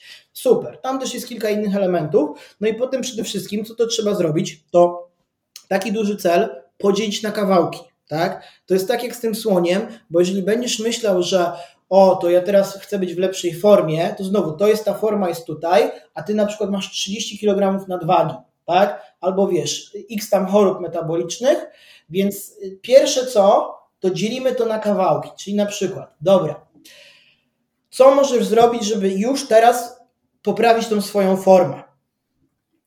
He, mogę na przykład, i teraz sięgam do biohackingu, e, wprowadzić post okresowy. Super, czyli mam cel, być w lepszej formie. Co to oznacza? No na przykład schudnąć 30 kg. Super. Dobra, jak to możesz zrobić? Stosując post okresowy, czyli metoda. Zajebiście. Następnie mówię, dobra, to jak tą metodę możesz wprowadzić teraz? Czyli kiedy wprowadzasz post okresowy? Od poniedziałku do niedzieli. Zajebiście. Od razu wchodzisz na okno 18-godzinne? E, no nie, bo pan Karol powiedział, że trzeba robić po kawałku. Ja mówię, dobra, no to przesuwasz śniadanie godzinę później. Czyli okazuje się, wiesz, w podsumowaniu, że tak naprawdę co od poniedziałku do niedzieli zaczynam jeść pierwszy posiłek o godzinie 9. I zaczynam to wprowadzać, tak? Robię to tydzień, robię to dwa, sprawdzam jaki rezultat. Wchodzę na wagę, bo muszę jakoś to zweryfikować, tak? No dobra, schudłam kilogram, super. Czy jestem gotowy, gotowa, żeby sobie tą poprzeczkę podnieść? Jestem gotowy, chcę więcej, jestem zmotywowany, jest kilogram. No i wiesz, i tak jadę dalej z tym, czystą metodą, a potem wprowadzam, wiesz, kolejne. Bo jeżeli wiesz, ktoś ci powie, no żeby schudnąć, to ty musisz, wiesz, mieć dietę ketogeniczną, musisz mieć postokresowy, musisz brać 30 suplementów, musisz medytować, musisz spać, musisz chodzić na saunę, musisz chodzić na siłownię, to ktoś, kto jest, wiesz, tutaj, i ochujał, gość zwariował, nie, nie ma szansy. Dlatego biorę jedno, praktykuję, wprowadzam na poziom nieświadomej kompetencji, żeby to się działo samo automatycznie i potem jak uznam, że już się zrobiło za łatwo, czyli poziom moich kompetencji wzrósł, to sobie utrudniam. I tak dokładam klocek po klocuszku. Nie, że od razu wszystko wiesz, do góry nogami, będę wszystko, kiedyś miałem taki przypadek, że ktoś mhm. I biznes zróbmy, Panie Karolu, poukładajmy i w związku ja bym jeszcze chciała i, i schudnąć i tu jeszcze, że Pan mi podpowiedział, jak ćwiczyć. Ja mówię, no słuchaj, ja to, ja to wiem, ale to, że ja to wiem, to nie znaczy, że ty ogarniesz, tak? Schudnij najpierw, mm. popraw zdrowie, zrobimy to, będziesz miała więcej energii, to ci wpłynie na relacje, na związek, na pracę i wykonaj pod, pracę, wiesz, u podstaw, czyli znowu nie najlepszy plan, tylko weź się kurwa do roboty. That's it. Myślę, że krążymy cały czas wokół e, tej, tej znanej filozofii japońskiej, która się nazywa Kaizen, krok po kroku. I wokół tego też jest masa różnych teraz now, takich dość nowych chyba mhm. książek. Jedna z nich wydaje mi się ma taki tytuł Atomic Habits. I w zasadzie to jest, to jest cały czas taka dywagacja wokół tego samego tematu e, właśnie e, robienia małych kroków, ale w, e, upewnianie się, że, że idziesz w dobrym kierunku. I to, to, to, co, to, co też pisałeś w książce Mm, pierwszej o biohackingu, czyli jakby większą wartość ma e, jakiś nawyk, który wprowadzimy jeżeli to będzie jeden nawyk, ale które wprowadzimy skutecznie w ciągu kilku miesięcy, niż 10 nawyków, które będziemy próbowali, e, wiesz, e, drążyć w miesiąc, bo myślę, że jest to skazane na porażkę z góry po prostu. Jakby no, jest to trudne, nie chcę mówić, że się nie da, tak, ale, moim ale, ale utrudniamy sami, sami sobie życie wtedy. Mówi, słuchaj Karol, jeżeli jest obrót o 180 stopni, to są dwie możliwości. Że tak naprawdę jest gorzej niż było wcześniej, tak? E, lub e, magia albo wróżka. Zmiana jest robiona na poziomie procesu małych, konsekwentnych kroków, a nie od razu wszystko naraz. Mhm. Ja też zawsze mówię, że no, jeżeli wprowadzamy jakąś zmianę w życiu, to musimy myśleć tak. w ogóle o życiu jako o maratonie, a nie o sprincie. W sensie, że no, to, to nie jest. Y, nie musimy tej zmiany zrobić już w tym momencie, bo powinniśmy jakby jak najszybciej, bo powinniśmy myśleć raczej o tym, że to będzie zmiana, która nam tak, zaprocentuje przez wiele, wiele lat. Przeceniają a nie to, co mogą tak teraz. tak naprawdę wiesz, zrobić w rok, ale nie doceniają tego, co mogą zrobić przez 10 lat. To jest, to jest ten model, nie?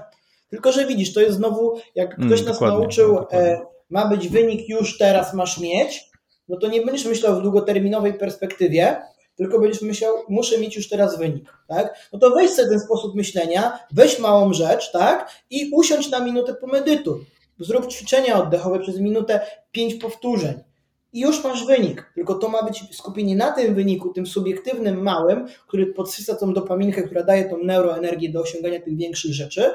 I potem ta większa rzecz, czyli w efekcie czego staniesz się spokojniejszym człowiekiem. Jak się staniesz spokojniejszy, to A. Schudniesz, bo ci opadnie poziom kortyzolu. B. Będziesz padał na lepsze pomysły, bo nie będziesz chodził zestresowany, wkurzony, zły, podirytowany. Będziesz bardziej kreatywny. Przełoży się na Twoją pracę, na wiesz, e, to czym się zajmujesz, tak? I inne obszary życia będą korzystały z tego. Więc znowu, widzisz to, cały czas jesteśmy wokół tego myślenia. To jest kluczowe, a metody są tak naprawdę tylko e, metodami. Czyli krok po kroku.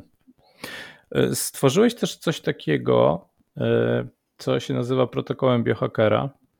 Mhm. Jest to chyba, nie wiem tam ile tych, jest 10 tych zasad, czyli mm, Czyli e, jakby Twoim podejściem byłoby stosowanie tych zasad tego protokołu raczej stopniowo, jeden po drugim, niż, niż wszystkie naraz, tak? No bo tam jest cały, jakby ca, cały, mm, cały ciąg narzędzi, nazwijmy to, które można zastosować, począwszy od poranka, tak, kawa no, kolodporna, tutaj znowu to zależy od e, tego, e, tak jaki tak poziom trudności ma dane zadanie, tak, bo na przykład wiesz, regularne chodzenie na siłownię, no będzie miało dla kogoś być może 10 na 10, ale wzięcie suplementu, czy zrobienie sobie kawy kolodpornej już będzie nie było łatwiejszym zadaniem, więc protokół biohackera tak naprawdę w pewien sposób jest odbiciem tego, jak ja myślę, e, w kontekście właśnie procesu, nawyków i takich właśnie e, piętrzonych nawyków, jak to wszystko na siebie wpływa.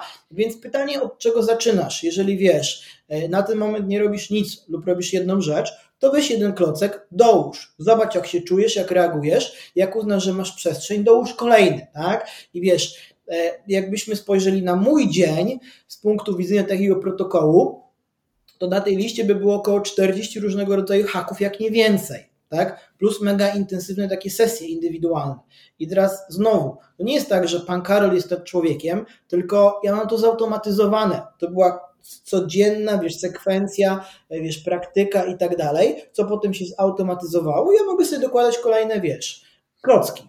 Więc e, na początku małymi krokami znowu, a potem jak będziemy gotowi, to sobie podnieśmy poziom trudności. E, ważne jest to, żeby za długo nie być na tym poziomie takim, wiesz, e, przyzwyczajenia, bo to nam się znudzi. Tak? Czyli jeżeli będziemy w kółko robili, wiesz, 10 przysiadów rano, no to w a to jest nudne. No to sobie podnieś poprzeczkę, zmień na, wiesz, pompki, na podciąganie na drążku, na wykroki, na brzuszki, na, na, na jakąkolwiek formę ruchu, żeby wpłynąć na to, na to ciało. Mhm. No też tam po pewnym czasie pewnie stymulacja jest trochę e, mniejsza po prostu, bo się przyzwyczajamy. Mm. Sporo też e, w książce pisałeś o, o tym, jak się odżywiać pod kątem regulowania swojej gospodarki hormonalnej i chyba dużo tam było miejsca mhm. właśnie poświęconego na e, ketozę, w ogóle stan ketozy. No bo głównie to jest coś, co, co jakby, nie wiem, zalecasz w większości osób, które przychodzą do ciebie na przykład, bo chciałyby, nie wiem, poprawić sobie swoje zdrowie, co rozumieją również między innymi jako zrzucenie nadmiaru no, wagi. Tutaj wiesz co, tak z moich y, obserwacji, Maćku, i moich doświadczeń wynika to, że ludzie mają takie myślenie, że y, jakaś jedna konkretna rzecz jest najlepsza y, i działa najlepiej. I to jest takie właśnie myślenie oparte o jakąś tam jedną jakby filozofię. I teraz to, że ja napisałem o diecie ketogenicznej, to, to nie oznacza, że to jest najlepsza dieta na świecie, która masz stosować non-stop cały czas i ona jest dobra, idealna dla każdego, tylko to jest narzędzie. Tak samo jak kawa kuloodporna, jak posty okresowe i tak dalej. I mój sposób myślenia jest takim myśleniem, które właśnie opiera się o to, żeby dostosowywać na dany moment Twojego życia tak, konkretne narzędzia, które będą Cię przybliżały do realizacji tego celu. I teraz, jeżeli ktoś startuje z takiego, z takiego momentu, że e, jego organizm jest mocno e, zaburzony, tak to metaforycznie nazwijmy, czyli gospodarka glukozowo-insulinowa jest rozregulowana, ma insulinoporność, hipoglikemię reaktywną, e, zaburzenia pracy tarczycy itd., tak itd., tak to być może dla takiej osoby przez pierwsze 3-4 tygodnie dobrym ruchem będzie zrobienie ketozy. Po co? Po to, żeby obniżyć ten ogólny poziom insuliny, tak? żeby ustabilizować poziom cukru, żeby podnieść glukagon, podnieść hormon wzrostu, czyli te hormony, które będą odpowiadały za spalanie tej tkanki tłuszczowej, naprawę, żeby wyregulować hormony głodu i sytości i potem, ok, trzy tygodnie zrobione, super, widzisz, mały cel, dobra, to potem pójdźmy dalej. Potem może wprowadźmy wieczorem carb backloading, czyli posiłek z węglowodanami, ale zróbmy postokresowy, czyli zjedzmy to śniadanie później na przykład. Albo śniadanie wcześniej, a kolację później. I to jest znowu, e, wiesz, kiedyś była moda na to, żeby jeść 6 posiłków dziennie. Jesz rano od razu po przebudzeniu, wieczorem nie jesz węglowodanów. Potem się wszystko zmieniło, śniadanie jak najpóźniej, e, na wieczorem, wieczorem możesz jeść węglowodany.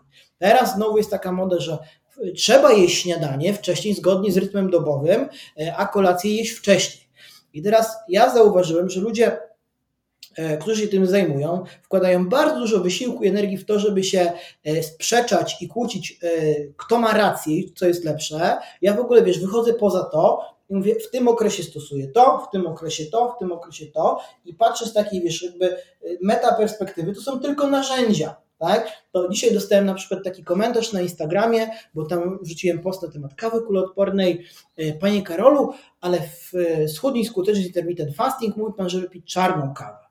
Ja mówię, no tak, bo tam jest poradnik dotyczący skutecznego odchudzania przy pomocy IF-u. Jeżeli chcesz czerpać pełne korzyści, pełne korzyści z postu okresowego, to lepiej, żebyś rano wypiła tą czarną kawę. Ale z kolei, jeżeli dopiero wprowadzasz dietę ketogeniczną, czy bardziej taki ketogeniczny styl życia, czy w ogóle jeden posiłek w ciągu dnia, który jest bardziej w stylu keto, czyli białkowo-tłuszczowy, to ułatwisz sobie to wprowadzeniem kawy kuloodpornej zamiast śniadania. Ale już jak wprowadzisz tą kawę i będziesz miał te pierwsze efekty, to potem zacznij odejmować te tłuszcze i przejść na czarną kawę. Więc to jest cały czas myślenie w kontekście jakby procesu i umiejętnego zarządzania tymi metodami, a nie ciągle picie kawy kuloodpornej, e, nie jedzenie śniadań, to jest jedna najlepsza metoda, tak? Fajnie, to jest dobre, tylko że właśnie ludzie nie myślą w takich kategoriach, żeby ludzki organizm działa na zasadzie jakby interwałów. Czyli on lubi mieć krótki, mocny, intensywny wysiłek, tak, po którym następuje okres przerwy. I to są cykle. Tak jakby cała natura działa w cyklach, a, a nie tak jakby wiesz, w kółko przez cały rok u nas, była, u nas byłoby lato, tak? No to jakby nie byłoby czasu na to, żeby te drzewa, rośliny się jakby zregenerowały, żeby zaszły inne procesy, tak? Albo cały rok by świeciło słońce. No to jedna część byłaby zadowolona, ale potem kurwa jest susza i nie ma wody. No to to jest ten sam model. Dlatego chodzi o to, żeby umiejętnie sięgać po te narzędzia, mieć świadomość, co to robi i znowu być takim dietetykiem, a nie, że to jest najlepiej, nie można jeść, e, wiesz, śniadania albo e, trzeba jeść śniadanie. Bo to wtedy w ogóle wchodzisz w taki model, e, to jest gorsze, to jest złe. Nie, nie ma sensu, nie ma, nie ma znaczenia, tak?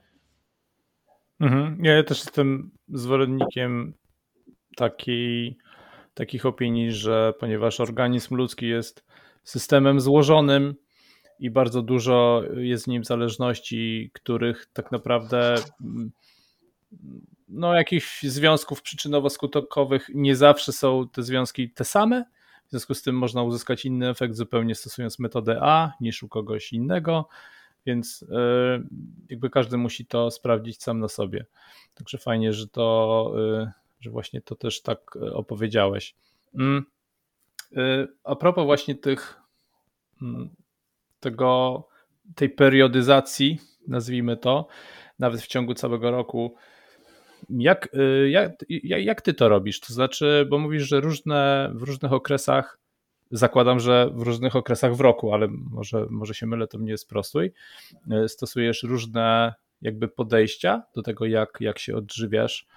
Y, możesz coś o tym opowiedzieć i, i dlaczego akurat tak, a nie inaczej to robisz? Że nie wiem, inaczej, nie wiem, jesz zimą, a inaczej jesz co? latem? Słucham przede wszystkim swojego organizmu i tego, co on mi mówi, tak? Bo to w ogóle kluczowe. To jest w ogóle mhm. pierwszy etap, że z jednej strony mamy te wszystkie wiesz, narzędzia, wiedzę, mechanizmy i to jest super.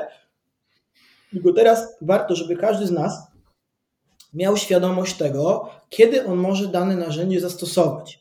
I tak jak na przykład ostatnio mój wspólnik e, sprawdzał sobie OMAD, czyli wiesz, jeden posiłek dziennie, jeden duży posiłek po południu e, przez miesiąc, no i mówi Karol, kurde, nie ma rezultatu tak? No to żeśmy zrobili cztery posiłki, zrobiliśmy posiłki w stylu, wiesz, keto, zachwycony. Aura mu pokazuje, wiesz, wyniki sen, e, regeneracja 95, 96, w ogóle e, mega, tak? I teraz jaka jest różnica?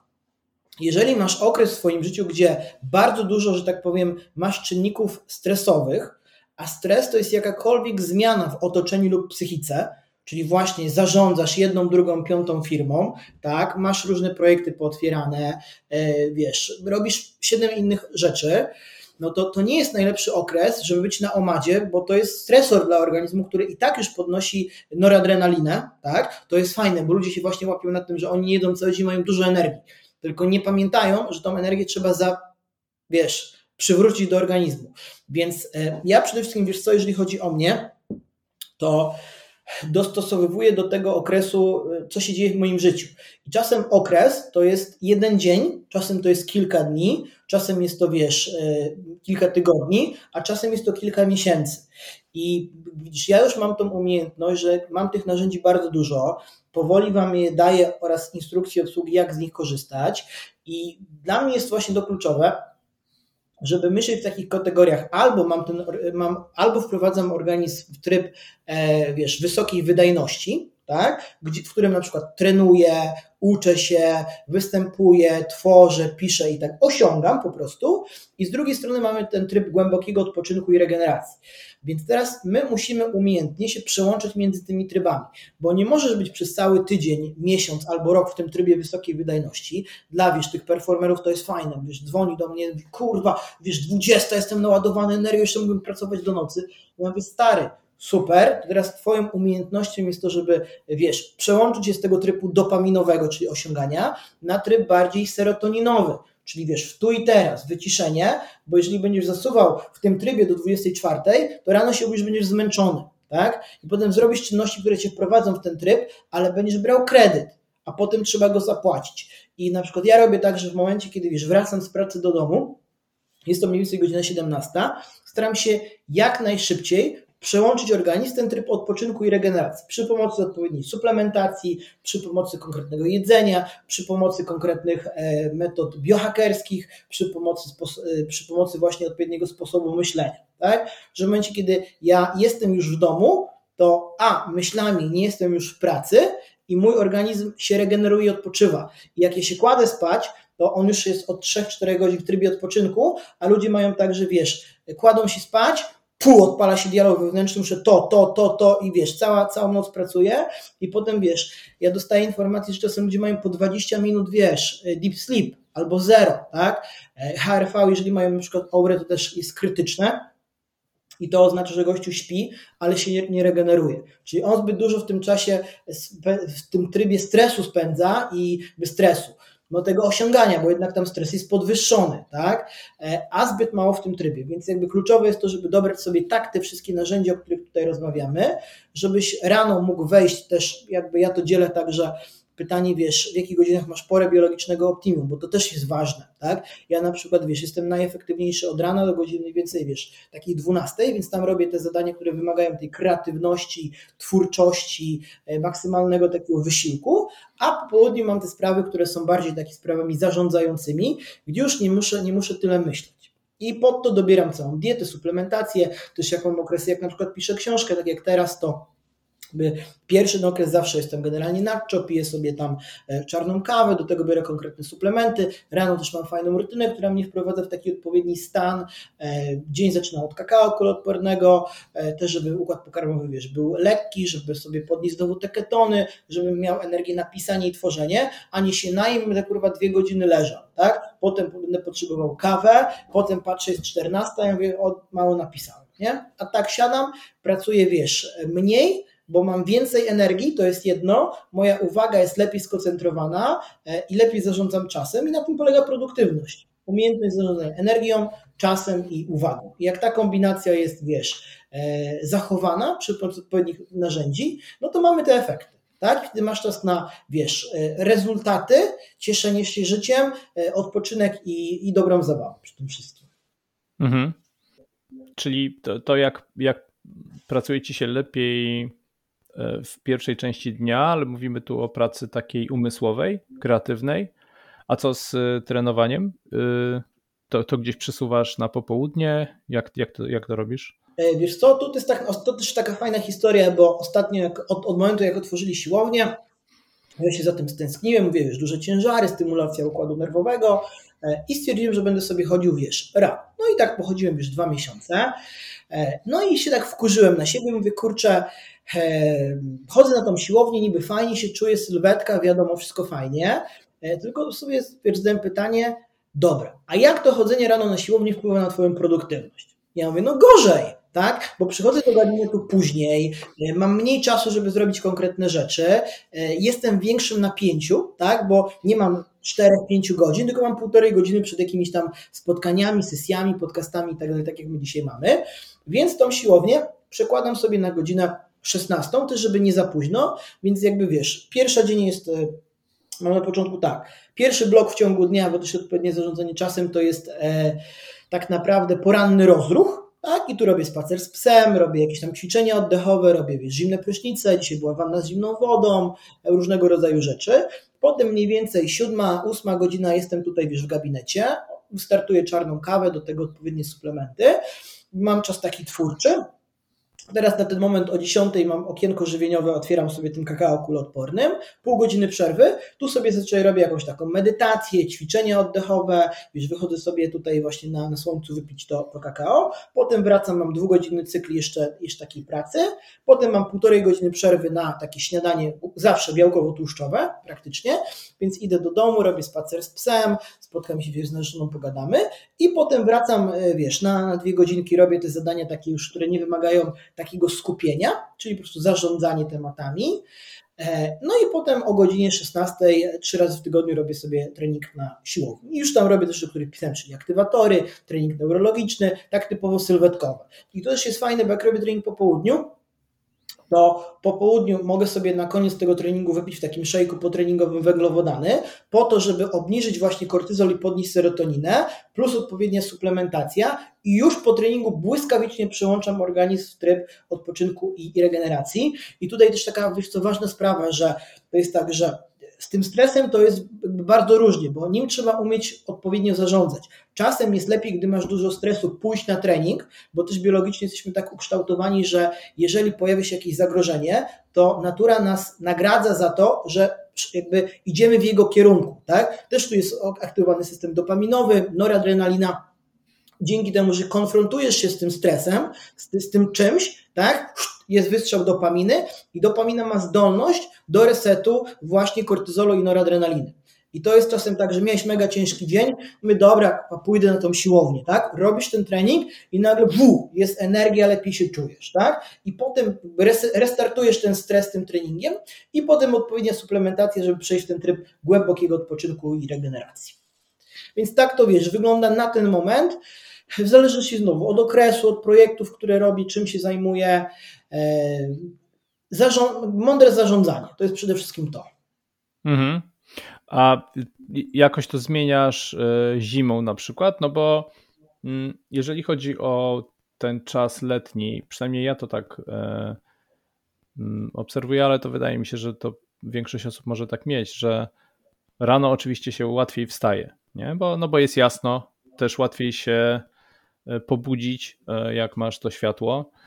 Mm, zimą jest dużo trudniej, bo jednak jest ciemno, nie? Mhm. Jak robi ci się, wiesz, jasno y, siódma, ósma, to, y, to też trudniej się wybudzać w ogóle.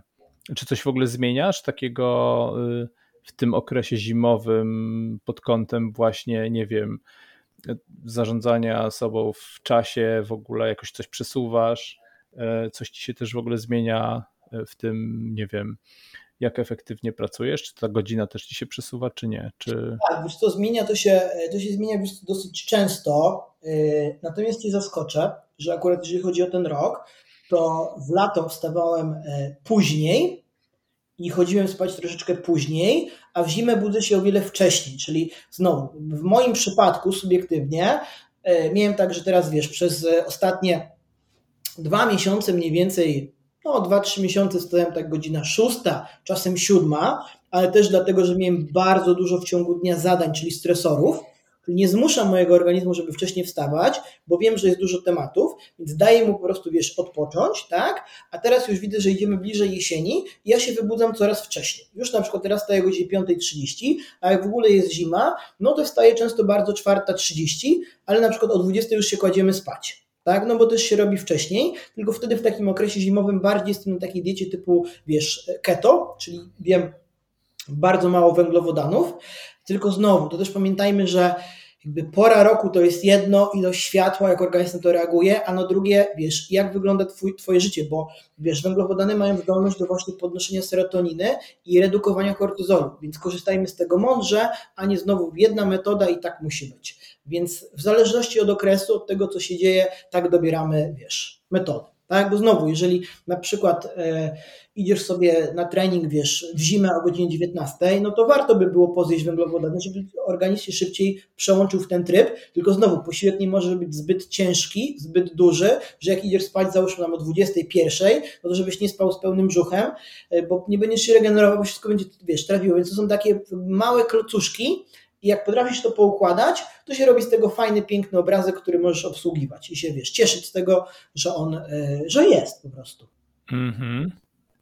Co jeszcze? A, bo w ogóle dużo, dużo też e, rozmawialiśmy dzisiaj o, mm, o tym, żeby realizować sobie te cele, mm, czy iść krok po kroku, po to, mhm. żeby też regulować sobie mm, dopaminę, ale nie tylko. I, I teraz właśnie jak sobie wyznaczać cele e, według Ciebie? W taki sposób właśnie, żeby to miało ten pozytywny wpływ, no chociażby na tą dopaminę, Wiesz, przede wszystkim ten cel musi być realny do osiągnięcia, tak? Nie może być abstrakcyjny, czyli musi być coś konkretnego. Czyli jeżeli na przykład moim takim celem nadrzędnym jest bycie spokojniejszym człowiekiem, tak? Redukcja stresu, przenosząc, czyli nie chcę stresu, chcę być spokojniejszy, to dobieram sobie odpowiednie e, narzędzie, czyli metodę, na przykład wiesz, ćwiczenia oddechowe, tak? Potem sobie określam, dobra, jakie konkretnie ćwiczenia oddechowe, ile czasu, gdzie to będę robił, jak często, czyli na przykład to się będzie sprowadzało do tego, że codziennie po przebudzeniu, załóżmy o godzinie 7, przez 3 minuty wykonuję, e, nie wiem, oddech pudełkowy. Super. I teraz, wiesz co, na co ma, bardzo mało osób zwraca uwagę i też nie każdy o tym wie, że musimy sprawdzić, czy te cele są ekologiczne. Co to znaczy? Jak one wpływają na całe środowisko, czyli na cały system, w którym żyjemy, tak? Bo cały biohacking opiera się o teorię systemów cybernetyki, tylko mało osób, wiesz, zapomina o tym, że są systemy takie jak właśnie dom, rodzina, szkoła, praca, firma i tak dalej. Więc na przykład taki cel będzie ekologiczny, bo on nikomu nie będzie przeszkadzał, ale jeżeli biorę jakiegoś tam, wiesz, przedsiębiorcą, Panie Karol, teraz budujemy mięśnie, robimy sylwetkę trzy, cztery razy w tygodniu na siłownię. Ja mówię, super, zajebiście, wszystko sobie ustalamy. Mówię, no dobra, to teraz e, jak to wpłynie na Twoją rodzinę? tak? Jeżeli będziesz chodził 4 razy w tygodniu na siłownię i załóżmy łącznie będziecie mniej w tym domu o 6 godzin, tak? Jak na to twoja żona zareaguje, jak zareagują na to dzieci, tak? Więc no kurczę, może być problem. Dlatego środowisko będzie negatywnie wpływało, bo jak żona będzie na niego, wiesz, e, pewien sposób nacierała, bo by chciała, żeby był więcej w domu, no to ten cel nie będzie dla niej ekologiczny. Fajnie, że on chce go osiągnąć, no ale środowisko źle wpływa, tak? No to mówię, stary, to może zróbmy od tego, że jak wrócisz z pracy, zrobisz sobie 15-minutowy trening biohackera w domu, który się będzie opierał, załóżmy tam o 5-6 ćwiczeń, tak? E, jak, jak to wpłynie na, e, na na przykład na, na rodzinę, tak? No myślę, że spoko, mogę się tam zrobić w pokoju, na balkonie, wiesz, w garażu i tak dalej. Może nawet dzieciaki wezmę, to razem tam ze mną już coś porobią. Bach! I to jest, i to jest jedno. No i dwa, zadać sobie pytanie, e, czy coś może mi przeszkodzić, jeżeli chodzi o realizację celu.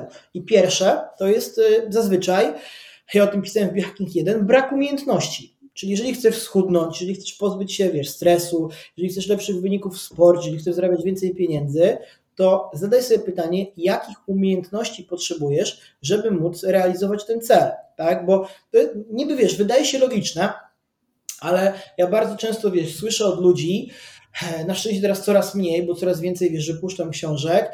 E, ja się całe życie odchudzam, tak? Ja zawsze próbowałam schudnąć. No i teraz jest problem taki, bo ktoś przystępuje do działania, czyli chce schudnąć, jeszcze to jest źle zdefiniowane, tak? E, ale nie ma umiejętności no to, to jest tak, jakbyś chciał, wiesz, wyjść stary, pojeździć na rowerze, zrobić, wiesz, maraton, tam Tour de France i tak dalej, ale się okazuje, kurwa, nie wiem jak na tym rowerze się jeździć.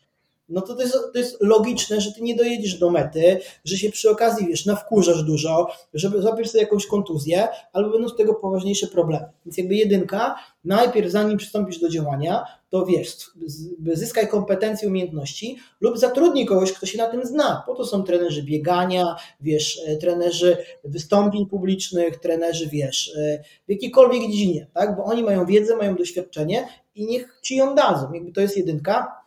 Dwa, co ci jeszcze może przeszkadzać, jeżeli chodzi o co może przeszkodzić? No, y, warunki na przykład e, materialne tak? Czyli mogę nie mieć zasobów finansowych, żeby sobie takiego, wiesz, y, trenera wynająć. No to co mogę zrobić? No mogę sobie kupić kurs online na przykład, mogę sobie kupić książkę, e, mogę poszukać wiarygodnych źródeł informacji w internecie. Tylko wiarygodny co to znaczy, nie? Trzecia rzecz, e, co mi jeszcze może przeszkodzić? No jakieś warunki środowiskowe. Czyli na przykład wiesz, jak sobie będziesz chciał biegać, tak? No to co zrobisz stary, jak będzie padało? Większość sobie odpuści no mogę sobie na przykład e, albo kupić bieżnie, tylko muszę mieć znowu kasę, jak nie mam, no to sobie mogę zrobić 10-15 minutowy trening w domu. Niech to będzie, wiesz, tabaty z przysiadami. Super. Więc e, fajnie, żebyśmy sobie określili, co chcemy, żeby to było, wiesz, dobrze określone, oparte o systemy reprezentacyjne, żebyśmy poznali, że my to już mamy, żeby uniknąć frustracji e, związanej z tym, że wiesz, że nie zauważamy tego, żeby to było realne, oparte, żebyśmy też mogli to zmierzyć, tak? Czyli w jaki sposób, wiesz, skąd ty będziesz wiedział, że akurat masz ten cel go osiągnąć, tak? Bo wiesz, ludzie patrzą na przykład przy odchodzeniu na wagę. I to jest najgorsze, co może być, tak? Szczególnie kobiety. Ja tu w ogóle zabieram wagę, mówię, przestań się ważyć, tak? Albo narysuj na kartce swoją wymarzoną wagę i wchodź i pokazuj swojej podświadomości, wiesz, że, że już masz taką wagę. E, więc to mi się tak wydaje takie pierwsze trzy najkrótsze, najszybsze sposoby żeby się zabezpieczyć mhm. przed tym, co może pójść nie tak, bo każdy się napala, wiesz, wszystko zajebiście i tak dalej będzie, potem, wiesz, zaczyna to wprowadzać, jeżeli właśnie skończy się myślenie i przechodzi do działania i potem napotyka na problemy, tak, i to jest tak, że każdy z nas napotyka na wiesz, problemy, trudności, wyzwania, e, ale są ludzie, którzy sobie z tym lepiej radzą niż inni. I oni też robią to konkretnym sposobem myślenia. I jeżeli my wiemy, jak oni to robią, czyli sobie na przykład zadają takie pytania, e, a co może mi przeszkodzić, tak? Na przykład w odchudzaniu. No, zbyt dużo stresu, tak? E, scen niewłaściwej jakości, tak? Zbyt mało aktywności fizycznej to ja od razu jakby fajnie, że ten cel osiągam, a tu się zabezpieczam od razu, wiesz co, czego jeszcze muszę z boku pilnować. Więc znowu wiesz, cały czas myślenie, zarządzanie sobą, e, zasobami, przestrzenią. Mhm. Mm, jeszcze chciałem do jednej rzeczy wrócić. To też z takiej własnej ciekawości a propos a propos regulacji, czy likwidacji mm, tkanki tłuszczowej, obniżania poziomu tkanki tłuszczowej bo o ile dobrze zrozumiałem też i z książki, jakby stan ketozy bardzo w tym pomaga. Mhm. E, kiedy następuje w ogóle moment, bo jakby jest pewien pewnie taki, nie wiem, nazwijmy to optymalny poziom tkanki tłuszczowej, że jakby ta, ta tkanka się przestaje spalać non-stop, nie? No bo zakładam, że nawet jeżeli e, stosujemy dietę keto i wprowadzamy się w taki stan spalania tkanki tłuszczowej, czyli nie wiem, stymulujemy hormon wzrostu i tam stosujemy różne elementy e, biohackingowe do tego, żeby wspierać to środowisko do spalania e, tkanki tłuszczowej, no to w pewnym momencie jakby organizm nie jest w stanie bez końca spalać tej tkanki tłuszczowej. Kiedy to się kończy? W sensie, w, jak to się y, w organizmie odbywa, że to już jest ten moment, że ok, już więcej nie, albo coś innego być może trzeba zastosować, żeby, żeby spalić więcej tkanki tłuszczowej. Bo też zakładam, że nie wiem, taka, mm, taki poziom tkanki tłuszczowej, którą na przykład e, bardzo dużo osób pewnie o tym marzy, żeby mieć wyrzeźbione ciało, a to oznacza przeważnie, nie wiem, mniej niż 8% na przykład. Nie? Mhm. I, a to nie jest, e, nie, znaczy nie wiem, nie wiem, czy to jest zdrowe z Twojego punktu widzenia, czy nie. Ja tak intuicyjnie czuję, że nie, na dłuższą metę, ale no właśnie ciekaw jestem, jak, jak, e, jak ty to, co ty o tym masz do powiedzenia? Ja ci od razu podpowiem, to będzie od razu dostaniesz gotową strategię, którą będziesz mógł przełożyć na inne obszary swojego życia. E, kiedy człowiek przestaje robić postępy? Kiedy czuje się komfortowo w danej e, sytuacji, tak? Kiedy to jest, jest jakiś automat. No, Dokładnie tak. Czyli w momencie, kiedy przestaje się robić trudno, to człowiek przestaje robić postępy. Czyli w momencie, kiedy dieta robi się zbyt łatwa, czy proces odchudzania robi się zbyt łatwy, to znaczy, że organizm przestał spalać tkankę tłuszczową. I ja też o tym piszę w IF-ie, w e-booku, że e, cały sekret stosowania wiesz, postu okresowego polega na sporadycznym szokowaniu organizmu dłuższymi okresami postu, żeby aktywować maksymalnie hormony i enzymy spalające tkankę tłuszczową.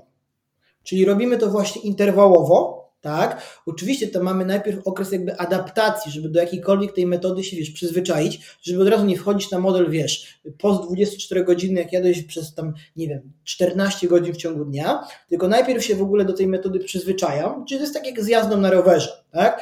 Najpierw w ogóle, wiesz, a to jest siodełko, to jest kierownica, to są przerzutki, to się obsługuje, to ja sobie wyjdę na 5 minut, pojadę sobie, wiesz, wokół bloku i tak dalej i potem jak zyskujesz już taką pewność, aha, już potrafię jeździć na tym rowerze, Czyli masz na przykład umiejętność stosowania postu okresowego na takim poziomie e, świadomej kompetencji lub nawet wyżej, czyli nieświadomej kompetencji, czyli robisz to dobrze z automatu przez praktykę, to potem wchodzisz w model właśnie, żeby zaskakiwać ten organizm. Tak? I ja na przykład robię tak, że mam dwa dni w tygodniu, gdzie robię sobie taki dłuższy post, czyli załóżmy, wybieram sobie dowolne dni, w których zazwyczaj jestem bardziej, że tak powiem, e, twórczy tutaj i załóżmy robię wtedy sobie post 20-godzinny czy 22-godzinny, a pozostałe dni są w modelu, że mam post, który trwa 16-18 godzin. Czyli jak ja czuję, że już jest za łatwo, tak, czyli się przyzwyczaiłem, wchodzę w strefę komfortu, aha, no to oznacza, że trzeba jakby docisnąć, jednocześnie jak docisnę, to potem trzeba zrobić przerwę i odpocząć. Więc tak jest tak naprawdę ze wszystkim, co robisz. Czy to będzie odchudzanie, czy to będzie, wiesz, bieganie, czy to będą zimne prysznice. Tak jak, wiesz, leżysz w wannie z zimną wodą 20 minut i to już jest za, zbyt łatwe, to są dwie możliwości. Albo woda jest zbyt ciepła, albo organizm się przyzwyczaił. Więc albo dokładasz lodu do tego, czyli podnosisz poziom trudności, e, albo po prostu przestajesz to robić, załóżmy na dwa tygodnie, żeby organizm się odzwyczaił. Potem wracasz i już on znowu pracuje, tak? Bo on się do wszystkiego przyzwyczaja. Czy to będzie trening, czy to będzie medytacja, oddechy, cokolwiek. Żeby właśnie cała, całe to zarządzanie zmianą polega na tym, żeby właśnie mieć taką świadomość z pozycji obserwatora, żeby wiedzieć, kiedy docisnąć, kiedy jakby docisnąć, wiesz, żeby przebić ścianę, a kiedy zredukować biegi i zwolnić, tak? Bo nie możesz cały czas na szóstym biegu jechać, bo to się nie skończy dobrze dla organizmu tak? Musisz się zatrzymać, musisz zatankować, musisz zredukować biegi, musisz, wiesz, coś zjeść, żeby no, efektywnie jechać tym samochodem, czyli swoim ciałem, do celu. A cel już mamy dobrze określony. To też dzisiaj było. Mhm. Okej. Okay. Czy na zakończenie coś, jakbyśmy y, w jakiś sposób y, krótko podsumowali? Może? Że ja mam podsumować, tak? Rzucam temat, może by to zrobić, ale jest tak, myślę, że byłoby pewnie lepiej zrobione niż gdybym ja to zrobił. Dobrze, słuchaj, no to tak. E, zróbmy to w kilku prostych podpunktach, więc żeby podsumować całego, cały nasz dzisiejszy podcast e, i żeby ktoś mógł wyciągnąć z tego maksymalną wartość praktyczną, bo to znowu nie chodzi o teorię, tylko o praktykę, tak? bo każdy potrafi czytać książki, oglądać kursy, ale nie każdy potrafi uzyskiwać rezultaty. Więc żeby te rezultaty uzyskiwać, po pierwsze, musisz wiedzieć, czego chcesz, to musi być określone pozytywnie. Dwa, jak już będziesz wiedział, co chcesz, to sobie określasz na podstawie tego swój cel, który następnie e, dzielisz na mniejsze podcele, które możesz realizować w ciągu następnych kolejnych dni, żeby to było realne do zrobienia. Dobierasz odpowiednią metodę e, i częstotliwość, czyli czas, jakim to robisz oraz e, intensywność, że tak powiem, interwałową, czy codziennie, czy co drugi dzień. Robisz to cały czas do momentu, aż stanie się łatwe, i potem, jak stanie się łatwe, podnosisz sobie poziom trudności, żeby wychodzić cały czas poza strefę komfortu. Jak doliczysz do swojego maksa, to jakby zapominasz, robisz przerwę i dokładasz kolejną, i wtedy robisz kolejną metodę. Super. Dobrze, czyli co? Dojechaliśmy do końca. Bardzo, trochę nam to dłużej zajęło niż myślałem, ale bardzo dobrze. E, w ogóle bardzo Ci dziękuję za to, że znalazłeś czas i e, dla mnie w swoim tak. grafiku. Z przyjemnością. E, pewnie jest dużo zajęć w twoich, w twoich kalendarzach, podejrzewam. Jakie masz w ogóle plany? Wspominałeś o trzeciej książce, która. Na jakim jesteś etapie?